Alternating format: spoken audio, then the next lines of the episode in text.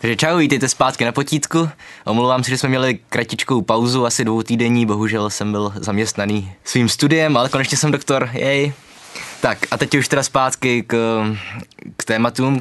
Minule jsem mluvil v souvislosti s Kunderou a předtím v souvislosti s Kavkou o tom, že se k některým kavkovým dílům vrátíme, takže dneska se podíváme na zámek. Někteří jste si o něj psali, ale vezmu to jenom velice ve stručnosti, už protože u zámku vlastně nemá smysl plítvat čas přeříkáváním děje. Ten děj je takový, že zkrátka jistý K jenom K. Tečka, neznáme jeho příjmení, přijde do nějaké vesnice, kde žádá o místo zeměměřiče, ale to místo pořád oni mu ho nechtějí dát, je tam zmatek, je tam strašná byrokracie, K se snaží dostat do zámku, nedaří se mu to, potkává různé obyvatele vesnice, se kterými vede různé velice zmatečné a matoucí rozhovory.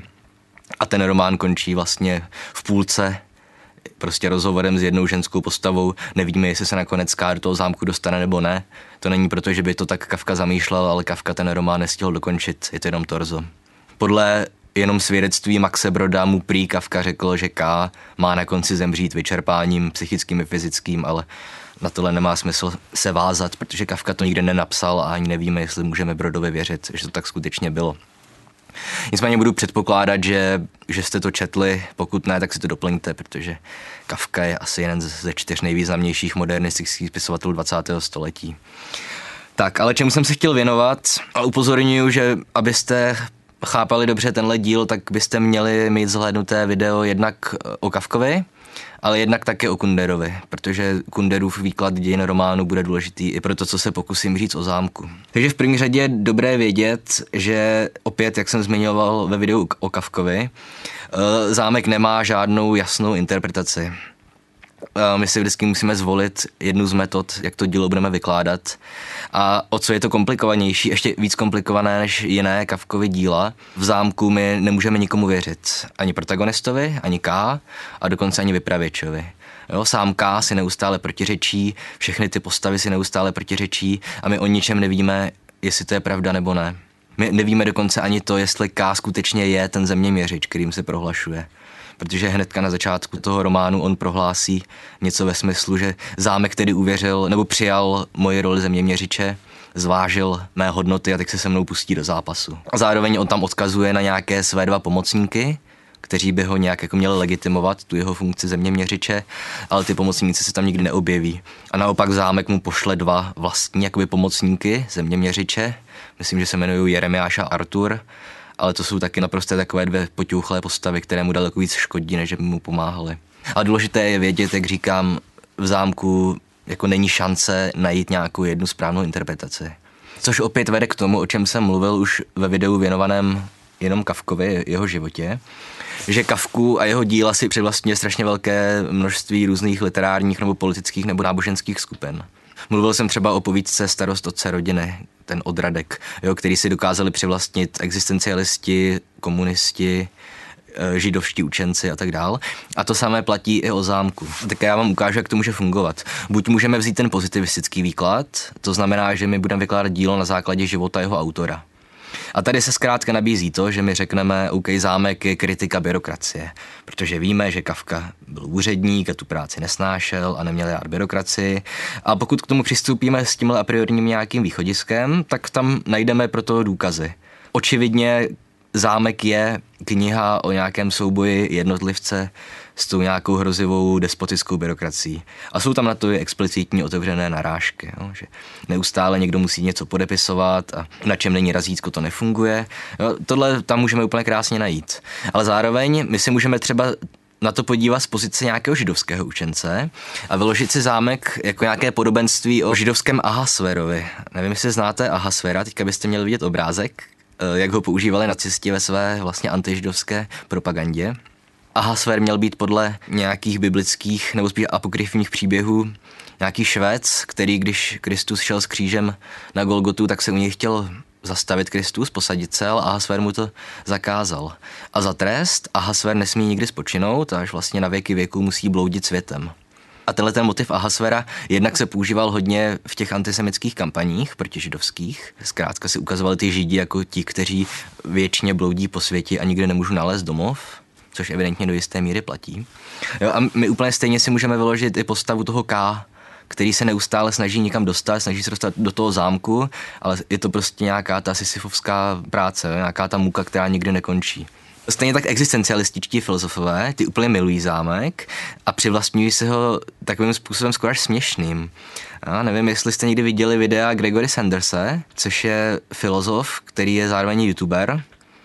Má asi 60 tisíc odběratelů, což je mezi youtubery, kteří dělají vzdělávací videa něco jako PewDiePie a on jako dochází tak daleko, že říká, no Kafka se otevřeně hlásil k expresionismu, který byl vlastně předstupní existencialismu. A takhle on si převlastňuje Kafkův zámek, ale dělá to tak hloupě, že vlastně, jo, protože Kafka nahlas ostentativně a explicitně odmítal to, že on by měl co dočinění s jakoukoliv avantgardou. Takže tady Sanders používá argument, který se mu sype už v první větě. Takže my zkrátka nemáme žádnou šanci jako jak, jak zámek uchopit nebo jak se ho vyložit. A pokud se to dílo četli, tak to sami víte. A zároveň taky zámek se svým čtenářem hraje takové různé hry. Hnedka na začátku, jestli si vzpomínáte, když K vyrazí druhý den ráno k zámku, tak tam potká toho učitele. No, a ten jde s dětmi a prohodí nějaký ten small talk a K se to učitele zeptá, jestli zná toho nejvyššího úředníka ze zámku a ten učitel mu odvětí tak jako šeptem a francouzské, aby tomu ty děti nerozuměly. Jo, prosím vás, berte ohled na ty děti, nemluvte o tom. V tuhle chvíli se nám může zdát, že tu bude nějaká hororová, gotická kniha, nějaký příběh s tajemstvím, ze záhadou. A tak to není. No, zámek je prostě jenom taková absurdní fraška, která navíc ještě ani není směšná. Ale zároveň teda nechci propadat nějaké postmoderní skepsy a tvrdit, že zámek nemá smysl se nějakým způsobem vykládat, takže se vrátím k tomu, o čem jsem mluvil v díle o Kunderovi.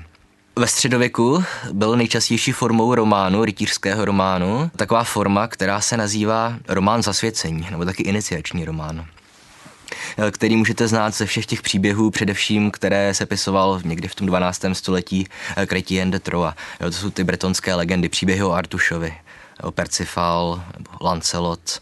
A tam se vždycky jedná o to, že nějaký hrdina, který musí projít nějakou zkouškou, na té zkoušce jednak potká panu nějakou, ale taky má pomocníka. A nakonec se snaží dojít nějaké té osobní očisty, vykoná nějaký úkol a dosáhne nějakého božího cíle, nějakého zázraku nebo nějaké milosti. Takže to funguje tak, že třeba máte rytíře Percefala, rytíře kulatého stolu, nebo Lancelota, kohokoliv, a ty vždycky se setkají s nějakou panou, která je provází po té cestě. Zároveň mají pomocníka, třeba Merlina, kouzelníka, potom vyřeší nějaký úkol, Jo, třeba Percefal musí vyléčit krále rybáře na nějakém tajemném hradě a nakonec směřují k nějaké té bytosti mimo nebo k nějakému svatému předmětu. Nejčastěji to je svatý grál. Jo. A stejně jako jsem minule říkal, že Švejk je takovou vlastně parodií všech těch hrdinských eposů, jo, že Švejk už nejde do boje aby zachraňoval nějakou krásnou panu nebo aby bojoval za nějaké národní ideály, ale jde prostě do boje jenom proto, že, že musí a ani mu nevadí, že tam jde a že zemře a je mu to všechno jedno. A stejně tak zámek, podle mě můžeme si ho vykládat jako takovou nějakou parodii těch iniciačních románů. My máme toho hrdinu, K, Stejně jako byl hrdina tenkrát ten Percefal nebo Lancelot, rytíři kulatého stolu. A on se musí dostat do nějakého cíle. Jo, tentokrát to není hrad Camelot, ale je to nějaký zámek. A zatímco Lancelot s Persefalem potkají nějakou krásnou panu, která je provází tou cestou, tak K potká tu Frídu, že? Což je taková víceméně poloprostitutka. Víme, že ona byla milenka toho hlavního správce ze zámku Klama. A stejně jako rytíři středověcí měli nějakého toho pomocníka, kouzelníka Merlina nebo kohokoliv jiného, tak opět tady je ta role pomocníka parodizovaná, protože K má dva ty pomocníky potěuchlé, kteří mu ale nepomáhají, oni mu škodí úmyslně. Že? A aby to ještě zašlo dál, tak ke konci Jeremiáš, jeden z těch pomocníků, vlastně přestane předstírat tu svoji potěuchlost a svede jeho frídu, že? Takže všechno se otočí proti K. A zatímco teda rytíři středověcí nakonec dostáhli toho svatého grálu nebo jakéhokoliv jiného cíle, tak K tuhle možnost nemá. On už jenom bloudí tím světem a nemá žádnou šanci dojít k nějakému cíli. A podle mě, samozřejmě opět se trošku odkazuju na Kunderu a taky na Danielu Hodrovou, literární vědkyni a spisovatelku, podle mě zámek a švejk jsou takové předzvěsti toho, kam směřuje současná literatura evropská.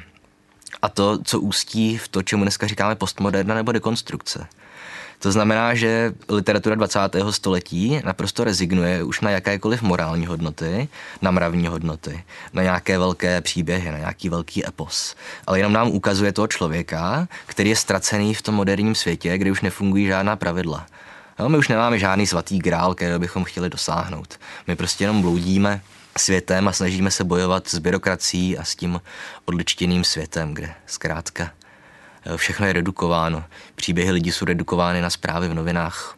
Dějiny jsou redukovány jenom na sled nějakých událostí a ty události jsou navíc vykládané nějak tendenčně. Jo, a s tímhle vším se literatura musí vyrovnávat a podle mě Kavkův zámek je jednou z prvních předzvěstí té slavné změny paradigmatu. No, toho, že ve velké epice v, nebo v próze, v románu 20. století už přestáváme sledovat nějaký příběh a jenom sledujeme situaci člověka ztraceného v moderním světě. A tohle by nám mělo sloužit jako takový malý oslý můstek k nesmrtelnosti Milana Kundery, o které se budeme bavit příště, a ve které tohle všechno je tematizováno už naprosto očividně a přiznaně. No, protože u Kavky myslím, že tam se spíš jedná o stvárnění nějakého podvědomého tušení téhle situace, ale Kundera už tohle všechno ví a pojmenovává.